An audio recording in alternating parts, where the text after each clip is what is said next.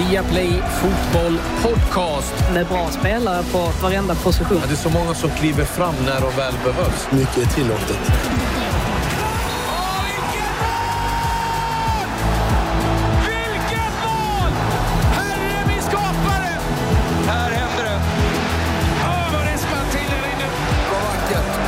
Det är bästa dagen på året. Det största som har hänt fotbollen någonsin i princip. Det är dags för ett nytt avsnitt av Viaplay eh, Fotboll Podcast och eh, det är eh, som vanligt Frida Faglund som är med ifrån London och här i I Like Radio-studion har vi Martin Åslund som gäst idag. Vi måste ju först fråga Frida, hur är livet i friheten nu i, i England? Ja, nej, men det är fantastiskt. Jag njuter i fulla drag av ett fantastiskt eh, septemberväder, eh, inte minst. Så att eh, det kan inte bli bättre nu. Det händer ju mycket i fotbollen också. Ja, det kan man lugnt säga. Vi har alla anledning att återkomma till det. Martin, läget med dig? Ja, inte fullt lika fantastiskt. Det lät ju otroligt att vara i London just nu. Det. Nej, men det är bra. Det, det, är faktiskt ganska fint väder här i Stockholm också, men man hinner inte njuta av det så mycket med allt jobb man har. Men nu har jag tid att sitta här. Det är trevligt. Ja, eller hur? Vi är glada att du är med oss. Och eh, ja, Vi har som sagt ett eh, fullmatat program, så det är lika bra vi drar igång. Vi har bland annat det här. Vi har en exklusiv intervju med Burnleys och Englands landslagsmålvakt Nick Pope. Gareth Bale är klar för en återkomst i Tottenham och anländer till London under fredagen. Och Vi ska titta lite närmare på varför och hur Chelsea kan spendera så mycket pengar som de har gjort den här sommaren. Mm, Martin har grottat sig ner lite i Financial Fair Play bland annat. Men vi börjar med lite nyhetssvep ifrån eh, England och eh, Frida, vad har du att bjuda på? Ja, Gareth Bale har ju självklart dominerat rubrikerna den här veckan. Eh, får väl ägna ett större segment åt honom eh, och Spurs för den delen lite längre fram i podden. Eh, man kan ju sticka in att Thiago Alcantara lär pryda första sidorna imorgon med tanke på att han nu verkar helt klar för Liverpool. Ehm, Annars så har det varit Vidare mycket snack om publikfrågan. Eh, det senaste är väl att regeringen har ett förslag på sitt bord nu som innebär att alla som vill gå på fotboll då från och med i oktober när man ska börja slussa in lite människor eh, måste dels köpa en biljett eh, och även ett coronatest på cirka 15 pund. Vi får väl se om det förslaget infrias eller inte. I övrigt så kommer man fortsätta till helgen med de här testmatcherna i Championship, League 1 och League 2 som innebär att man får ta in maximalt totalt tusen eh, personer då. Och eh, alla klubbar har fått eh, ansöka om detta och om de då vill vara med. Ehm, och på tal om EFL så har det ju blossat upp en debatt här kring fallskärmspengarna som klubbar som åker ur Premier League tilldelas under de tre efterföljande åren. Eh, eftersom både Fulham och West, West Brom tog klivet upp igen innan alla år hade hunnit avverkas så har resterande pengar gått tillbaka till Premier League och delats lika på samtliga klubbar i ligan. Och detta gillas inte av alla Championship-klubbarna som anser att Premier League borde väl kunna vara så pass storsinta nu att man låter Championship få pengarna istället. Ehm, samtidigt kan ju Premier League hävda att de redan är tillräckligt solidariska solidariska gentemot IFL och att det faktiskt är eh, Premier League som drar in de stora tv-intäkterna. Men ja, eh, detta är i alla fall lite av vad som har diskuterats i veckan.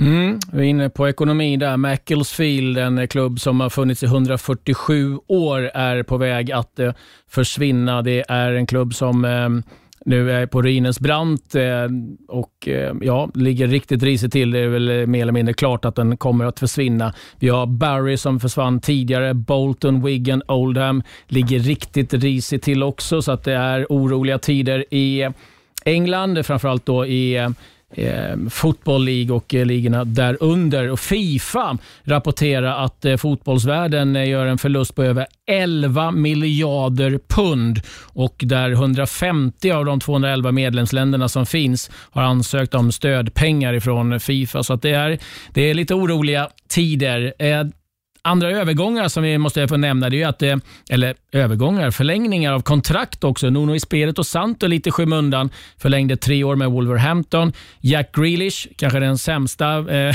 videon man har sett jämfört med Aubameyang sa också förlängt. Branislav Ivanovic tillbaka i Premier League. West Bromwich Albion nu är helt klar. Och eh, så ska jag säga att eh, Cengiz Ynder är på ingång till Leicester på lån och även Alexander Sörlott verkar röra på sig från Crystal Palace till Leipzig. Sen måste jag bara, bara få berätta att Paul Pogba, Martin du älskar ju det här, han har varumärkesskyddat eh, Dobb-målgesten, eller DAB-målgesten och har tydligen även åtta andra kategorier som han har varumärkesskyddat, bland annat Pogdance. Jag vet inte, har du någonting du har varumärkesskyddat? Nej, det har jag inte. Jag är också intresserad bara, hur ska det vara då? Så, så, ska han då gå... Du måste ansöka om du gör det. Hans juridiska team ska då jaga alla ungar i Sankt Erikscupen som springer och gör Pogba. Nej, det verkar konstigt. Men, men vad vet jag, världen Ja. är galen. Ja, eller hur. Men vi måste ju ändå börja med att eh, Gareth Bale är tillbaka. Marcelo, tre spelare i straffområdet nu. Benzema, Bale och...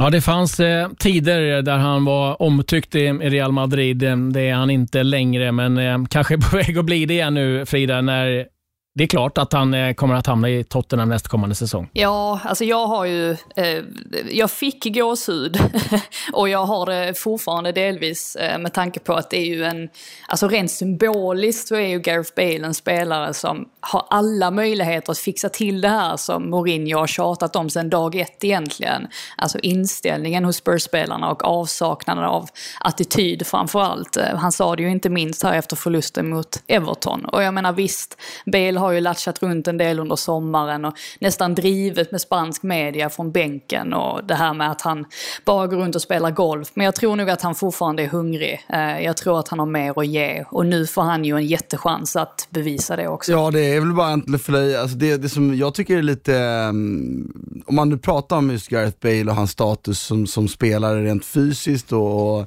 hans vilja att spela fotboll, så jag är ju överraskad över att han har, alltså tidigare, nu, inte nu den här flytten, men att han inte har flyttat tidigare. För det var väldigt tydligt att han inte har ingått i planerna. Och så här, ett, har han trott då att han ska ta plats och varit envis och velat ta plats?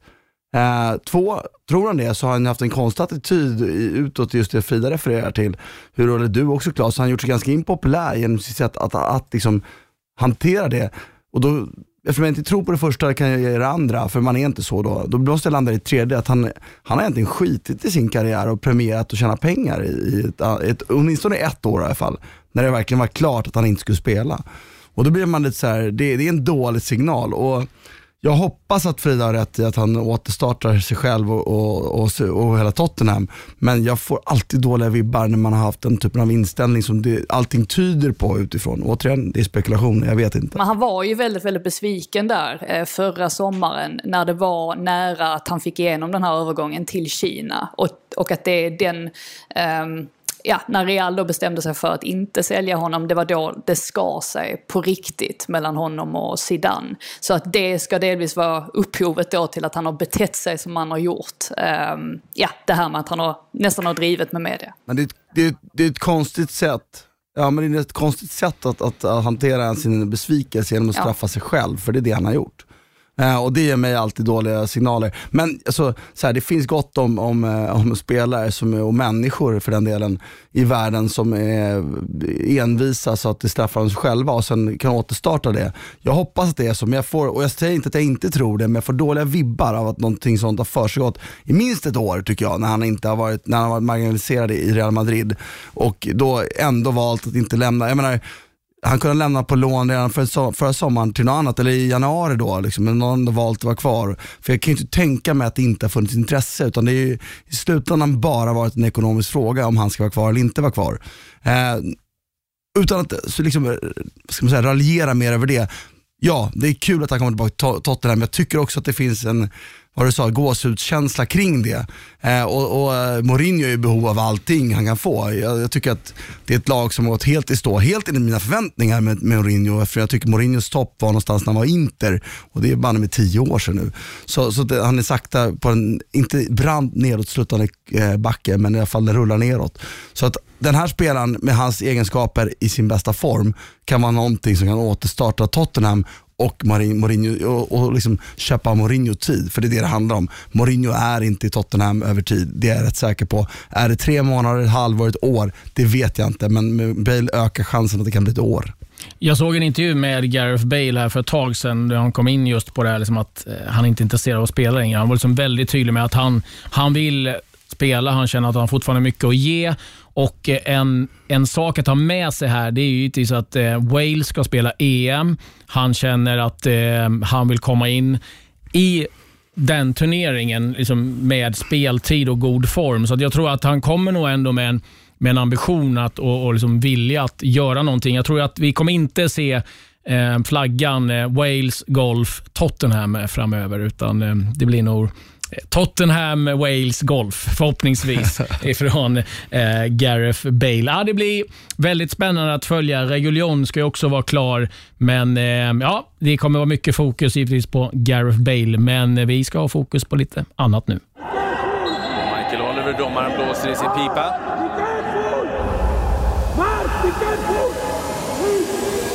Robertson, den ser bra ut, men ja, det är en andra boll till Salah! Tjong i medaljongen! Tjong i medaljongen! Rakt upp i taket! Jösses Amalia! Reece James får skottläge. Åh, vilket mål! Han dunkar upp den här i krysset, Reece James. Vilken pärla! By number 24, Reece James. Två topplag som eh, kommer från eh, vinster. Det satt ganska hårt åt för eh, båda, men vi ska lägga lite fokus på Chelsea och deras storsatsning. Och Martin, du har suttit och grottat ner det här lite grann, för det är liksom inte bara att de har sålt spelare som gör att de kan göra den här satsningen? Nej, det är det inte. Eh, eller ja, det är säg, grundläggande att ens klubben kan fortsätta fungera eller existera i att de har sålt spelare. Eh, jag ska också säga det att när du säger grotta ner jag har använt mig uteslutande av eh, Swiss Ramble och Transfermarkt siffror så att alla som lyssnar på det här och vill källkontrollera det jag säger får gå dit. Och jag har inte själv stått för uträkningarna fullt ut utan då är det Swiss Ramble som är en utmärkt blogg för det här. Eh, men det som man ska komma ihåg det, folk har lätt, eh, man kan börja den änden att man pratar om transfernetton och det tycker jag är en relevant sak att jämföra när man jämför kvaliteten på en trupp från ett år till en annan. Det vill säga att ja, men den här tränaren har transfernettot under honom är positivt så han har liksom sålt spelare, han har egentligen då pappret försämrat sin trupp men ändå har laget blivit bättre. Alltså en bra utförande av tränaren. Omvänt då, han har transfernettot är negativt, man har köpt massa spelare och laget har inte blivit bättre. Tränaren har inte lyckats för, förädla det han har fått och så vidare.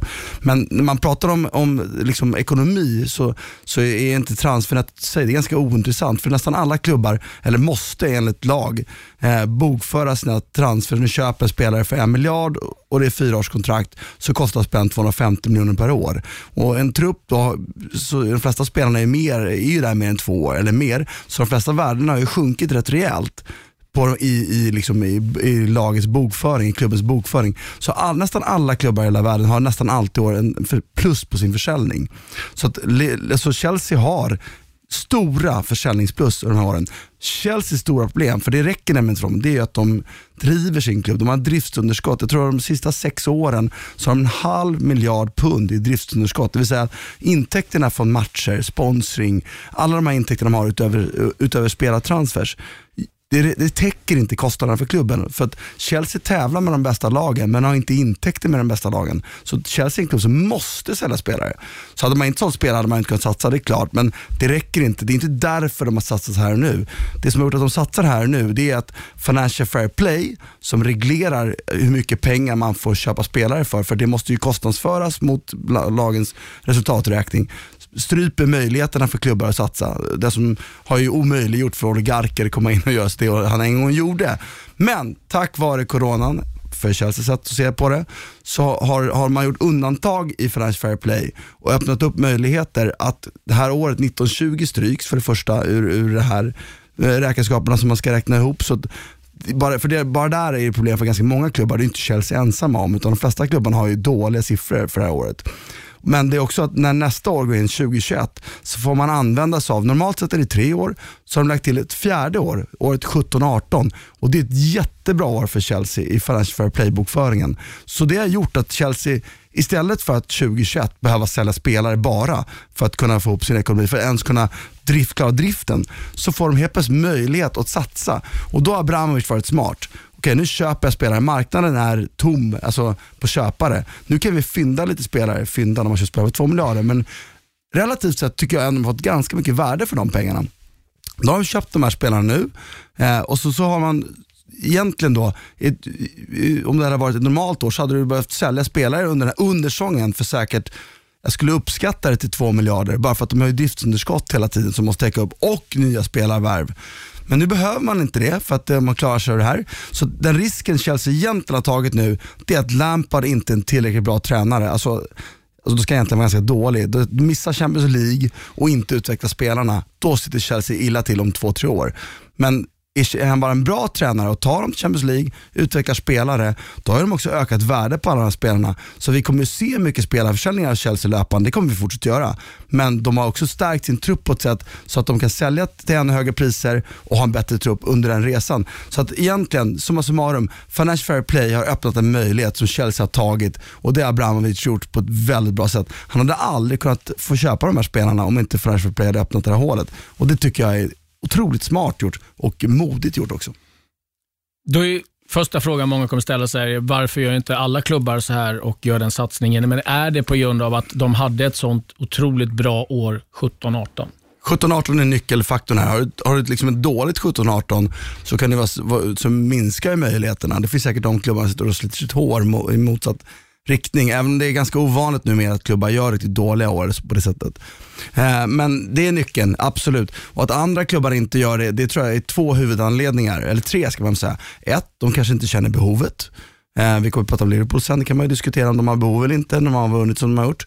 Två, eh, man måste trots det lösa finansieringen, för det är en annan fråga i balansräkningen. Du måste också få de här, ha de här pengarna tillgängliga för att göra de här köpen. Eh, och Det kan man ju få genom att antingen ha en ägare som lånar ut pengar gratis, som Chelsea har. Du kan gå till banker och få låna eh, pengar. Du kan gå ut på eh, finansiella marknaden och låna pengar och du kan gå till de här ockerräntsbolagen eller eh, privatpersoner och låna, låna, pengar. Och Jag tror att det är faktorn att många gör det, att, att de inte har den, ett, kanske inte behovet, två, Eh, de, de har, har, inte tillgång till den finansiella styrkan bakom sig. City har väl det, PSG har väl det. Och det tredje är då att kanske inte alla är lika modiga affärsmässigt. Att jag bedömer det som att Abramovic är smart här och ser en möjlighet och tar den möjligheten. Han ser att det här har han gjort en gång förut, byggde ett lag på ett sätt som, som man inte får göra längre. Här öppnades det en möjlighet att göra lite av det och då tog han den snabbt för det har funkat en gång tidigare. När andra klubbar, lite över mitt förstånd, sitter och håller på saker när man faktiskt borde satsa. Frida, många som har pratat eh, just om att ehm, Liverpool har varit väldigt försiktiga. Nu verkar det som att man då liksom, ehm, eh, hostar upp 30 miljoner euro för Thiago. Vad, är, vad är reaktionerna liksom, kring Liverpools eh, försiktighet gentemot Chelseas offensiv? För det har ju varit eh, liksom, det är en het debatt mellan Klopp och Lampard som har blossat upp. Ja, och alltså FSGs eh, strategi har ju delat supportrarna inte minst då. Ehm, men SFG eh, vill ju att Liverpool ska vara självförsörjande eh, och inte dra på sig större skulder. Vilket man kan förstå med tanke på vilken position klubben befann sig i när de tog över. Ehm, och de har ju faktiskt kommit en, en bra bit på vägen kring hela det arbetet. Ehm, jag tror att en sak man inte ska underskatta i allt det här heller, eh, på tal om eh, Chelsea och hur mycket pengar de har spenderat och sådär. Och där kan man även väga in eh, Liverpool. Det är hur Chelsea agerade nu under hela coronasituationen, alltså ur ett moraliskt perspektiv. Alltså de permitterade inga anställda, till skillnad från några andra klubbar i Premier League. Och inte minst då Liverpool som först tänkte göra det och sen fick backa efter den här supporterstormen. Chelsea lånade även ut sina hotell vid Stamford Bridge till sjukvården, DNHS. Eh, Abramovic skänkte på egen hand 200 000 pund tror jag det var till en välgörenhet, välgörenhetsorganisation. Eh, och det är klart att de har resurser nog att göra allt detta och det har ju ingenting med ekonomin att göra egentligen. Men att de skötte den här biten så pass bra och hanterade krisen på det sättet gör ju att det ser bättre ut utåt sett att spendera så mycket pengar som man har gjort, alltså ur, ur ett moraliskt eh, perspektiv. Det fanns ju oro kring eh, Roman Abramovic och hans framtid, för han fick, jag vet inte hur det är med hans uppehållstillstånd eh, i England nu, att han skulle tappa intresset och, och, och försvinna. Martin, om han säger bara en dag, nej nu skiter jag i det. Vad händer med Chelsea då? Ja, för det första ska man väl säga att jag tar, jag tar, inte det här som en garanti för att han vill satsa vidare på Chelsea långsiktigt. Det, är också, jag menar, det här är ett affärsmässigt smart beslut för att höja värdet på en tillgång man vill sälja om två år. Visst, det finns risk förknippat med det. Det är möjligt att det, den blir värd mindre tillgången, alltså Chelsea. Men det är för att kunna få mer betalt i det här helt rätt beslut att göra som han har gjort. Eh, den dagen han försvinner så ska Chelseas nya, för det kommer komma nya, det finns folk som vill köpa den här klubben, det är jag övertygad om. Eh, så kommer det stora problemet för dem vara, är väl möjligtvis det som Frida nämner kring Liverpools ägare. Det vill säga att de inte vill eh, eh ha lån i, i, klubben och då är Chelsea en klubb som har, kommer ha stora problem att tävla med de stora, stora klubbarna över tid. Därför de har för lite intäkter, eller intäkterna relativt sett de stora lagen är för, för små. Tottenham har gått om dem till exempel. De är inte ens eh, topp fem, eller om de är topp fem kanske de är topp fyra i, i England. Liksom. Så, och akterseglade rätt rejält av eh, stora klubbar. Så det är ett problem för dem långsiktigt. Det är ett problem även om Abramovic är kvar. De måste se till att växa som klubb. Um, däremot är inte jag så orolig för, för Chelseas värdet på det sättet. För att, det är klart att, och jag tycker att vi ska återknyta det till Fridas sak som Liverpool. Jag tycker det är en viktig poäng så att de vill vara självförsörjande. Det tycker jag är egentligen nu sitter jag ju och, och tänker finansiellt ofta och tycker, det tycker jag är lite trams egentligen. Liverpool betalar 18-19 säsongen 6 miljoner pund i ränteutgifter. Snittet på de andra topp 6-lagen, eller topp 5 då, topp 6-lagen blir de andra fem, tror jag låg på 35-40 miljoner pund. Om du räknar på räntan är 2,5% kan du räkna omvänt hur mycket pengar de skulle kunna använda sig av i sin verksamhet för att finansiera det hela. Vi ska också bära med sig då på att vi pratar om att eh, Chelsea är en operationell förlust. Så Liverpool gör en operationell vinst. Det är bara en av tre klubbar i hela Premier League som är, är, tjänar pengar utan att behöva sälja spelare. Och då säljer de ändå spelare och tjänar pengar utöver det. Så att Liverpool, det finns stort finansiellt utrymme att göra saker. Och eftersom det är en så välskött klubb som Frida är mycket riktigt inne på just nu, så är det också en klubb som när de går ut på finansiella marknaden och ska låna, då lånar de till väldigt förmånliga villkor. Och vi har centralbanker i hela jävla världen, förlåt språket där, som har ju öst ut pengar. Det innebär att alla vi här sitter här, våra pensioner kommer eroderas. Vi kommer, vi kommer inte alls kunna ha det liv vi tror att vi har. Det positiva för Liverpool är att krediterna är otroligt billiga. Så att det är ett, ett principiellt beslut som jag tror egentligen är fattat av riskovillighet och att de riskerar att sänka någonting på sitt eget varumärke. Jag tror att själva anledningen till att de var finansiellt stabila eller självförsörjande, det säger man lite för att supportrar gärna går på det. Så slipper man ha pressen på sig att värva. Från mitt perspektiv så är Liverpool den bedömningen att behöver de värva, det är ju möjligt, det ska vi också tillföra här. Liverpool kanske bedömer att de inte behöver värva mer än Thiago, men bedömer de att de behöver förstärka sin trupp så är det fan ett tjänstefel att de inte gör det just nu, för att utrymme finns det så det skriker om det skulle jag påstå. Det där med risk är ju intressant, inte minst nu i Tottenhams fall också. Alltså Tottenham som vi trodde eh, satt i en väldigt knepig ekonomisk sits eftersom att de gick och tog det här enorma banklånet i somras och permitterade anställda och så vidare. Och sen så nu så verkar det ju dels som att de, eller de har ju eh, säkrat Bale vad det verkar och verkar också kunna eh, köpa in Reguljon för, ja, det pratas väl om 300 miljoner kronor ungefär för honom. Eh, men det verkar ju som att de här pengarna då som de lånade i somras, de har inte rört dem överhuvudtaget. Och att de inte har blivit så hårt ansatta av pandemin som det först verkade. Så att man ser ju det alltid att det, det, det finns att, att, ta av i klubbarna trots allt. Det beror väl lite på hur, hur man ser på det, precis som Martin har eh, varit inne på väldigt bra. Skulle det bli så att vi får en extrem hård andra våg av corona och vi skulle få en riktigt hård ekonomisk smäll, ja då är det klart, då sitter ju Liverpool som supervinnare och Chelsea som superförlorare. Men om man nu bedömer och tror att, då pratar vi inte en, eh, som det var i vintras, det räcker inte, då ska det vara en ännu hårdare smäll. Men då skulle man vinna. Men, men tror man inte det så, så då är man riskavärt om man inte gör satsa nu, skulle jag vilja påstå. Du nämnde det här med våra pensioner. Mm. Vilka ska man hålla på då om man vill ha en bra pension? Då ska, man, då ska man hålla på Warren Buffett och så köpte Berkshire Hathaway för länge sedan. Annars är det rökt. Nej, jag skojar. Är det Liverpool då? ja, eh, vi har ju en match eh, de här emellan, inte bara ekonomiskt och en av huvudfigurerna det är Virgil van Dijk. Jennifer Kücükaslan fick en exklusiv intervju med eh, holländaren inför den här matchen och eh, ja, lite om vikten av att få en bra start var på tapeten. The, the most important thing about an opening game is to get the three points, and uh, we got that. Obviously, with a lot of hard work against a very good side, they are still gonna, I think, get a lot of teams in trouble during this this year. There were a lot of good things in that game, but obviously there were a lot of bad things as well. There were obviously a lot of reactions to your involvement in, in Leeds' second goal. How how did you feel about that? Yeah, well, things happen in the game. You know, I think I've, I've read also some things that I made three mistakes in since what is it, 2018, 19. I think that's that's not a bad start if, if I'm actually absolutely honest. You know, with the amount of games I've played, over 80 games or something, to get three mistakes, well, that's not so bad. So, um, but yeah, things happen. Miscommunication at that point. Um, something that hopefully never happens again. Uh, and this weekend, you're coming up against one of the toughest opponents offensively uh, in Chelsea. What do you make of the amount of new signings they've made this summer?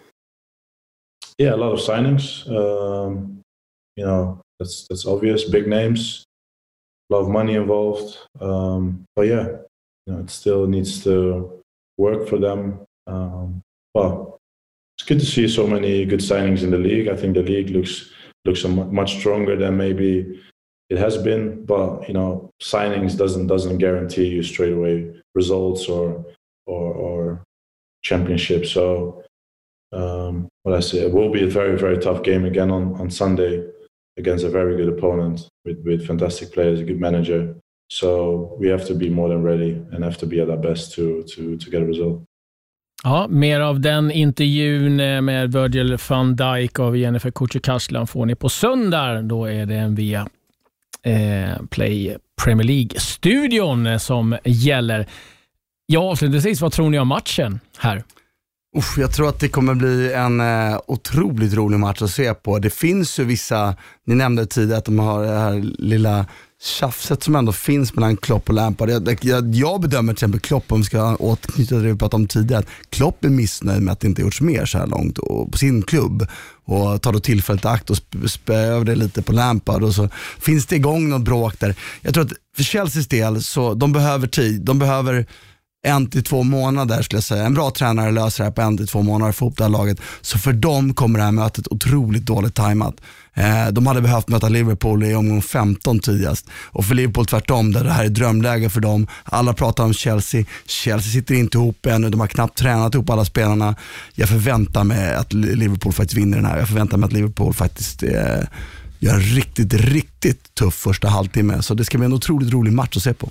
Det var ju inte bara Klopp och Lampard som bråkade. Det var ett jäkla liv också med assisterande tränaren Lindes där senast, Frida, också som det hettade till. Ja, nej, men det är väl lite roligt. Jag tycker att generellt det är lite för snällt i Premier League. Eh, de är lite för, för bra vänner. Man saknar ju det här med Wenger och Mourinho bland annat, den lilla fejden. Jag tyckte väl i och för sig att Mourinho och Lampard, de eh, levde ändå upp lite grann till gamla goda dagar där under förra säsongen och hade lite ordkänsla tjafs. Så, eh, så mer av sånt. Ehm, jag tror ju att det var bra också för Timo Werner att få en genomköra mot Brighton där och tre riktigt resliga mittbackar i, i Ben White, Lewis Dunk och Adam Webster. Eh, som han ju också påtalade efter matchen. För nu får han ju eh, möta van Dijk här och, och Gomez. Och med tanke på hur många bollar de försökte hitta in med bakom backlinjen och att det faktiskt såg lite svajigt ut i, i Liverpool eh, där mot Leeds. Så tycker jag det ska bli oerhört intressant att se vad, vad Werner kan göra framförallt.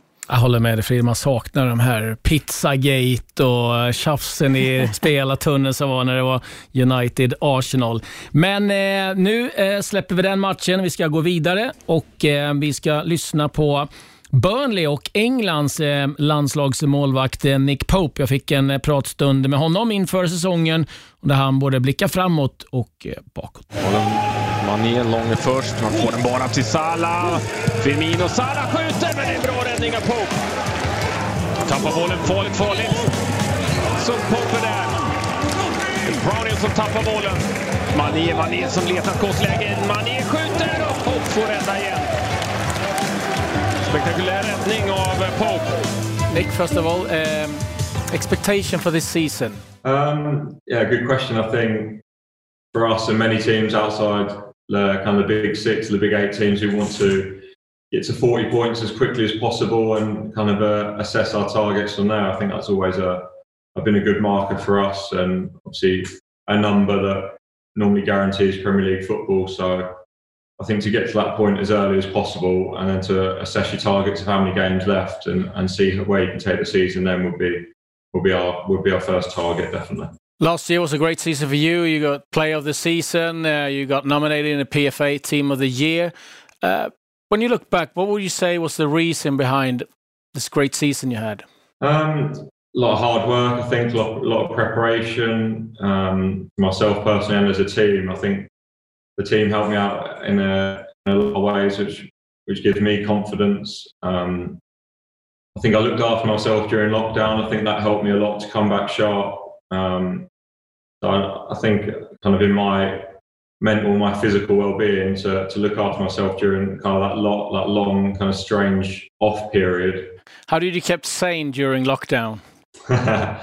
Good question. Um, I think a big thing for me was t- I took up cycling, road cycling. Um, so I think that was a big thing for me to kind of get out of the house and to obviously keep myself, my body in no shape. And like, like I said, my mental well-being to, to be out there on my own um, for two, three hours, yeah, was great for my, me and probably my family as well to get me out of the house. So it was, uh, yeah, it was great. Something that was kind of new to me. I hadn't done since I was a, uh, since I was a little boy. So to to start doing that when obviously the roads are really clear because no one's going to work and no one's leaving the house, it was uh, yeah, it was a real great great experience.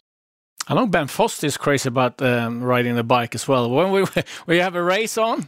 no, no, just racing against myself. It was uh, yeah, lucky enough to you know live in a beautiful area, um, so I got to explore kind of places I'd, I'd never been before, and obviously I live quite close to the Peak District, so felt like I was on a Tour de France going up the hills. So it's uh, yeah, good experience, and like I say, it was, it was really kind of it was really good for me physically and mentally.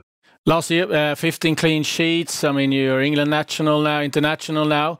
Um, but it isn't always have been an easy ride for you. I mean, you you were let go um, from Ipswich when you were 16 years old. Uh, when would you say yourself was was a turning point for you in your career? Hard to say. Probably a few. Obviously, the getting released at Ipswich at 16 was a was a big one, and what I'd done then as my next step helped me massively. I just went to a, you know a college and a non-league team that was really good for myself uh, and just seemed to suit me down to the ground. And the, the coaches there and the people that I met just really, you know, helped me grow in confidence and, and really helped me enjoy my football again after going through a tough spell. So I think that was a big turning point for me. And from there, getting my first professional contract at 19 was a, was a big thing. Um, and going to Charlton Athletic in League One, which allowed me to kind of go on loan from there, and it opened up a lot of doors to me. So that was a of another big milestone for myself. Uh, like I say, the loans are a big thing for me. Like my first one in league football at York City, I always think that was a was a massive moment for myself and a massive opportunity that kind of went really well for me and opened kind of more doors moving forward for, my, for myself in, in my career. So I think a couple of moments that kind of really helped and went in my favour when I did some research for, for this interview, I mean, I saw you, you went to college again. Uh, um, you worked in the next uh, store. You were delivering milk. Could you ever dream about going to the World Cup at that moment? No, I don't think so. Uh, I think when you get out of a release from an academy setup, you kind of look at life differently and you have different kind of focuses in life uh, because, you know, you're not going to uh, that academy structure day in day out and you know playing the games on the weekend where it's very kind of high pressure environment and a lot of kind of your time and energy goes into that so you get to like I say, just go to college and then you're you're thinking about different things and probably different careers. Definitely, um, I thought the kind of ship had sailed for myself with football. Really, at that point, I think the uh, the numbers and the odds from kind of coming back from being released at that sort of age are really low. So you kind of takes all the pressure away really, and you start to to look at other things and start to, like I say, enjoy my football again with without that kind of attached to it. So I think it, it kind of worked in my favour and has helped me become, you know, the person I am today. If you look at you, uh, the way um, you work today, training wise, fitness wise, how's that changed during the last couple of, say, five years? Um, and, not sure really. I think for myself, I think you look at you know your game and personal attributes that you have, and you want to kind of you know, build on all of them, even though your strengths and your weaknesses, you kind of want to work on them kind of year in, year out and kind of be ever evolving as a goalkeeper. I think as a goalkeeper, there's so many different skills and so many different parts of your game that know you get tested in a match that there's you know always things to work on and always kind of new ideas and new techniques to to try and to test in training and I think for myself I've always enjoyed football I've always enjoyed training so it's it's always you know, it helps helps me keep fire in my belly. I think day in day out, going there and training, you know, 100 percent, whether that's with England or with Burnley, I always try and you know, I always do give 100 percent and and take that into a match. So I think that's something that stood me in good stead for my career is you know training how you play. So on the Saturday, you know, you're not doing anything different. You're doing what you've done all week It's been a lot of some revolution lately in football. You got um, the video technology, obviously. You got the the data revolution. Is that something you use in your everyday life as a as a goalkeeper? Um, yeah, I think I watch every game back that I play in. Um, normally, my sometimes a whole game or just my clips. I think you can you can pause it and kind of roll it back or roll it forward to to see you know different things, and you also you always remember kind of the thoughts you had in, in that moment in the game, and you can kind of looking it back. I think looking it back on things like that is great. Um, just to be able to to see it from that different kind of angle of the, of the camera rather than you know the only angle you get on a game day is you know your two eyes. So to see it from that um, is great learning tool. I think uh, really I really enjoy you know, using that to kind of better myself. Um, definitely. Today is not. Uh, you don't only have to be a, a great shot stopper. You're basically a playmaker as well. Has that been difficult for you to, to adapt to, to that role as well? Um, I think it's just something, like I say, it's ever evolving for, for a goalkeeper. You know, I think there are different needs on a, and expectations on goalkeepers now than there was five, ten years ago. Um, I think for myself, that has been since I've moved up the leagues from, you know, playing in the conference or League Two. There's a different skill set to, you know, being in the Premier League. Um, so I think that's just something that is just part of football, like whether you're an outfield player as well. I think there's been a lot, don't get me wrong, in the, in the goalkeeper department of kind of evolution now where maybe shorter goal kicks or playing out from the back through pressure and you know all these different things where you're used as a goalkeeper maybe to control the tempo of the game. You know, I think it's something that I've learned a lot in the last few years, and I think the other players and the staff here have helped me with that definitely. Ja, den är stensäker. Slicka stolpen. Ja, det är ruggiga straffar han eh, trycker in. Eh, Jamie Vardy. Vi har 3-0 till Leicester. Facing uh, last year's Golden Boot winner, Jamie Vardy, scored two goals uh, this weekend from the penalty spot. Uh, how is he to, to face as a goalkeeper? Yeah, tough. You know, he, he's quick. Um, don't really give you a second whether you're on the ball, you haven't got the ball. He's he's really you know sharp in his mind, street smart. I think. Um, obviously, someone I spent some time with at England, and I got to realise kind of how good of a player he was. He was um, yeah really top drawer, and like you say, golden boot last year. It was uh, just shows what a good season he's had, and even though he's getting older, he seems to be getting better and not, not any slower. So yeah, he's always a always a good opponent to, to play against, and uh, one we're going to have to be on top form. Your manager, um, Sean Dyche, um, has done a brilliant job um, for Burnley over a long period now. How is it to work with on, on a daily basis? What, what would you say is his strength? I think he's a people person. I think he, you know, man management's really good. Um, I think you just have to say you're he's, he's an all-round good manager because he's been in the job such a long time and we've had such progression as as a football club that if you have kind of many weaknesses as the manager, you, you, you're not going to last that sort of time. You know, the turnover for managers nowadays is is so short that you know any drop in results or any you know any bad moments, and you know you can be out the door really quickly. So to be in the in the job as long as he has, you know, it speaks volumes. On a personal note, have you set any targets? No, not too really. I don't think you know I get caught up on too many targets. I think per, on a personal level, um, just because you know you, don't be halfway through the season and just get wrapped up in that sort of thing. I think something that's worked well for myself is kind of taking it week in week out and you know, going through the season that way. Um, bit of a cliche, but it's kind of something that has stayed with me since first getting in the team at Burnley, and it's kind of it's really helped me, you know, stay level-headed and you know not get too far ahead of myself. I think that that's key for a goalkeeper and any player is to kind of you know keep your feet on the ground and be level-headed, and you know, when things are good, don't be too too high, and when things are low, just don't be too low. I think it's quite good to have you know that that real middle level grounding and uh, staying close to that. It, the, the way you play, I mean, you, you thrive a little bit on, on um, um, getting the audience on, on your back. How has that been for you um, during this period when, when there's been no uh, audience? Has it been difficult for you?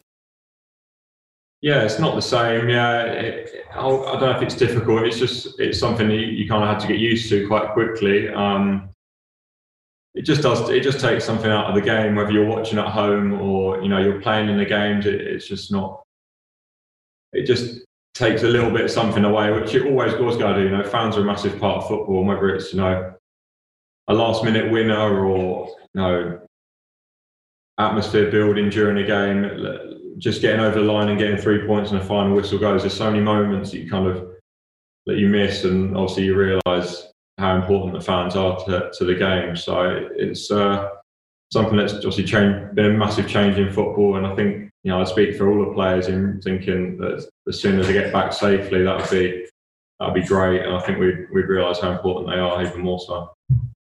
Any personal targets uh, about the cycling?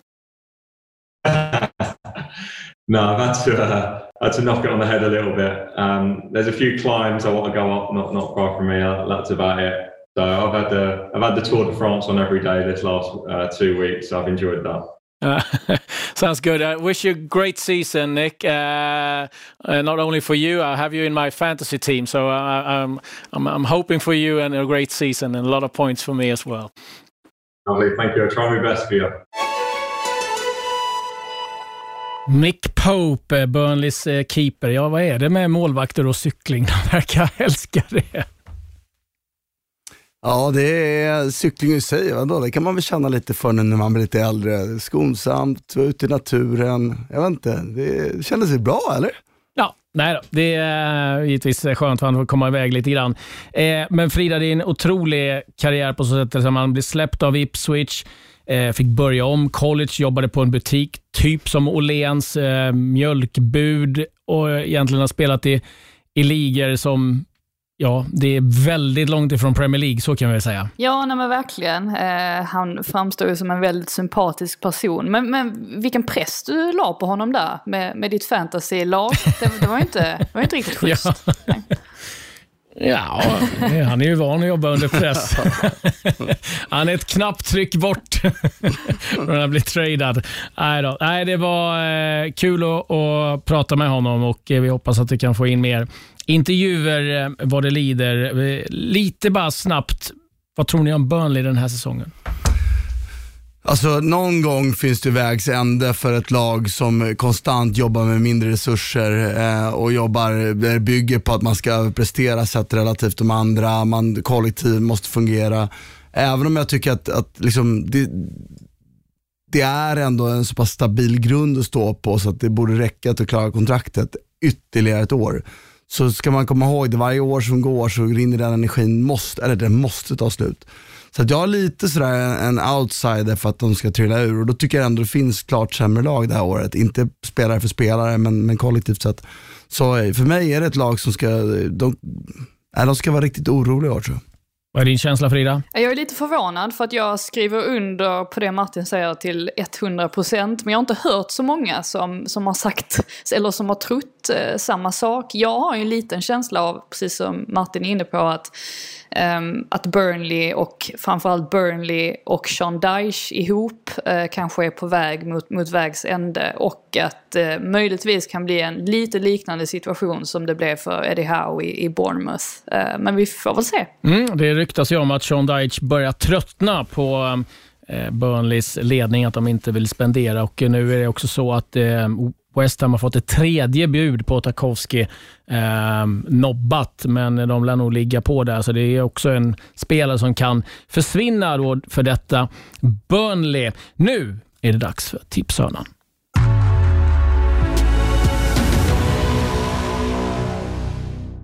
Vi går vidare och eh, det som eh, vi ska diskutera nu är lite det som blev den stora snackisen eh, efter helgens omgång och vi pratar givetvis Everton. Dinje med en frispark. Är farligt i mål!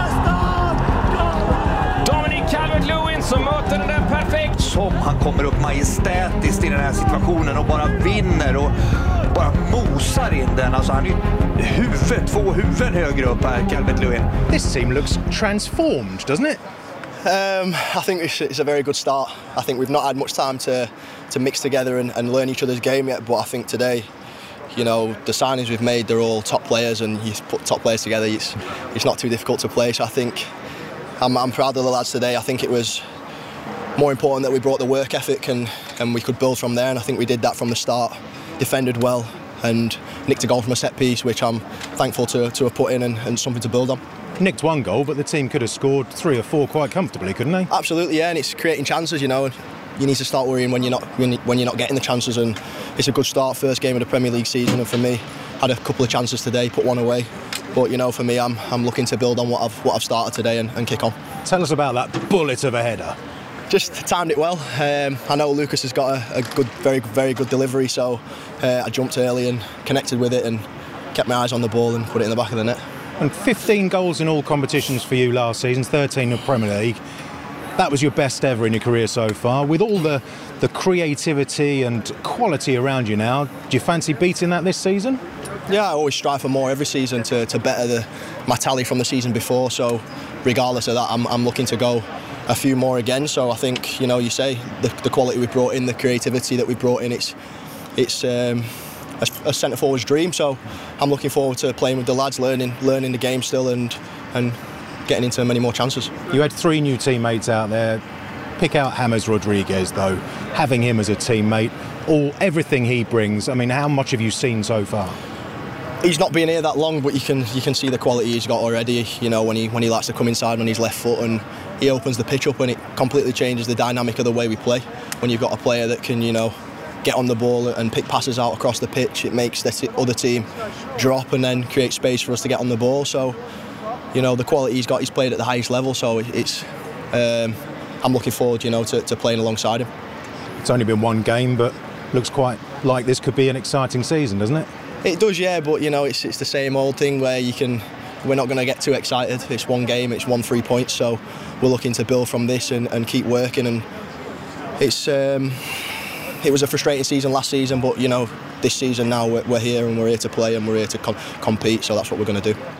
Dominic Calvert-Lewin givetvis väldigt nöjd med målet, vinsten och sina nya lagkamrater. Frida, är det lite James Rodriguez-feber i England nu? ja, i, Liverpool om inte annat är det nog det. Eh, eller på Merseyside. Eh, äh, men de eh, fick ju förstås en, en fantastisk fin start och inte bara James. Jag tyckte Alarm var alltså helt, eh, vilken uppgradering de har gjort där. Eh, vilken spindel i nätet han har blivit. Och inte bara på planen utan även utanför. Alltså Everton Evertons PR-maskineri går ju på högvarv just nu. Eh, inte minst i Sydamerika som ju är en marknad som de definitivt vill slå sig in på. Eh, de har skapat två nya twitterkonton, ett på spanska och ett på portugisiska, bara en sån sak. Eh, och jag vet inte om ni har noterat att den här Angry Birds eh, reklamen som de hade på eh, på tröjärmarna är ju, är ju borta för att det avtalet har gått ut och de eh, väntade med att eh, försöka hitta en ny sponsor. Jag, jag tror inte att det kommer att bli några problem nu faktiskt. Det här kan nog bli colombiansk variant. Eh, men Martin, jag vet att eh, James Rodriguez i all ära. Allan eh, imponerar du mest av? Alltså det är ju en av mina absoluta favoritspelare och har varit under lång tid. Eh, jag såg det när han var i Udinese, vilken otrolig kraft han är. Och det är också den här mittfältstypen som jag tycker ibland blir färre och färre av. Jag har alltid gillat de här dynamiska spelarna som kan både kampa, kan spela, kan springa med bollen, kan slå längre passningar, kortare passningar, men som är krigare. Det som var vanligt förr på mittfältet. Jag förstår att fotbollen har utvecklats och att det blir mer av de här De Bruyne-typerna som knappt sätter en fot fel och missar inte en vinkel på touchen. Men jag är svag för den här typen som Allan är. Nu spelarna som sittande mittfältare här i Everton det kan han också, men han som bäst tycker jag när han har den här med dynamiska rollen. Och jag är mest förvånad, ett, okej, okay, vi visste inte status på honom eftersom han inte spelade i Napoli under sista året så mycket. Vi vet att hela själva grunden var ett bråk med presidenten, eller spelarbråk med presidenten han var en av de ledande, han var en av de som inte kröp till korset och vi vet att det är en president i Napoli som är extremt eh, småaktig och narcissistisk och det, kan, det kunde vara en grund till att han inte spelade. Men man visste trots allt inte status på honom. Men innan det så var han en av världens fem bästa mittfältare. I min värld är det helt obegripligt att inte, eller inte att inte någon annan klubb i Premier League snappar upp honom. Han skulle spela ordinarie, vill jag påstå, i all, på alla mittfält i hela Premier League som han spelar. Och då är det så här, för de pengarna att hamna i Everton, det måste ju ses som säsongens fynd. Och jag har sagt, inför matchen låg jag lite lågt med, med, med liksom min håsning av honom för att man tänkte, jag vet inte, han kanske faktiskt då inte spelar i Napoli för att han var skadad mycket sånt som inte kommer ut. Men den första matchen tycker jag, jag håller ju med Frida, James Rodriguez i alla ära, den riktigt stora spelaren den matchen, det var ju Allan. Och det här är bara början på någonting. Tänk vad Liverpool hade behövt honom. Tänk City hade behövt honom. Alltså Chelsea är väl det enda laget där han möjligtvis då inte hade behövt skrikande, klart, om de inte nu säljer Kanté förstås. Så det, för mig är det bara obegripligt att han kunde vara så billig att han hamnar i Everton. Men otroligt roligt, för jag tycker att Everton är ett lag, man vill ju se fler klubbar kunna konkurrera och den första elvan Everton har nu, det skador kommer göra att de inte kan nå Champions League. Men kan ändå göra att de kan börja hota om de platserna och det tycker jag är fantastiskt kul. Spännande att följa. Det är eh, West Bromwich som väntar för deras del på lördag. Och eh, Till helgen så är det ju också start för Bundesliga. Börjar på fredag. Bayern München mot Schalke 20.30 kan ni se den. Sen har vi Dortmund, München, Gladbach, Leipzig, Mainz. Och det som är mest eh, positivt det är att det är publik på väg tillbaka i Bundesliga. 20 procent av eh, kapaciteten kommer att få ta in. Går det bra, då kommer man kliva upp till 40 procent. Så det kommer vara runt 15 000 på Allianz Arena när Bayern München då tar emot Schalke. Så det blir väldigt spännande att följa. Så start med Bundesliga den här helgen. Vi har ju franska ligan igång. Lite småkaos kan vi lugnt eh, konstatera runt PSG.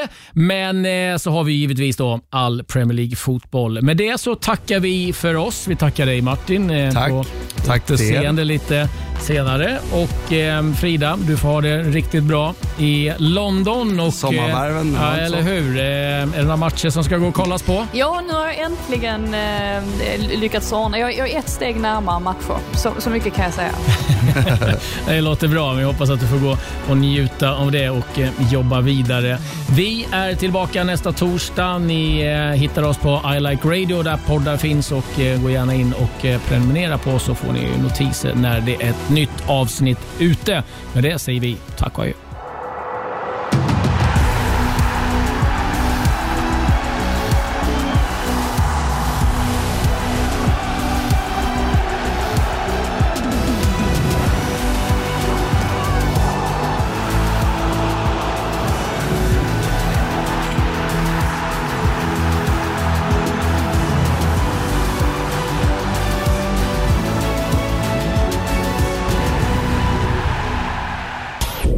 Av I Like Radio. I like radio.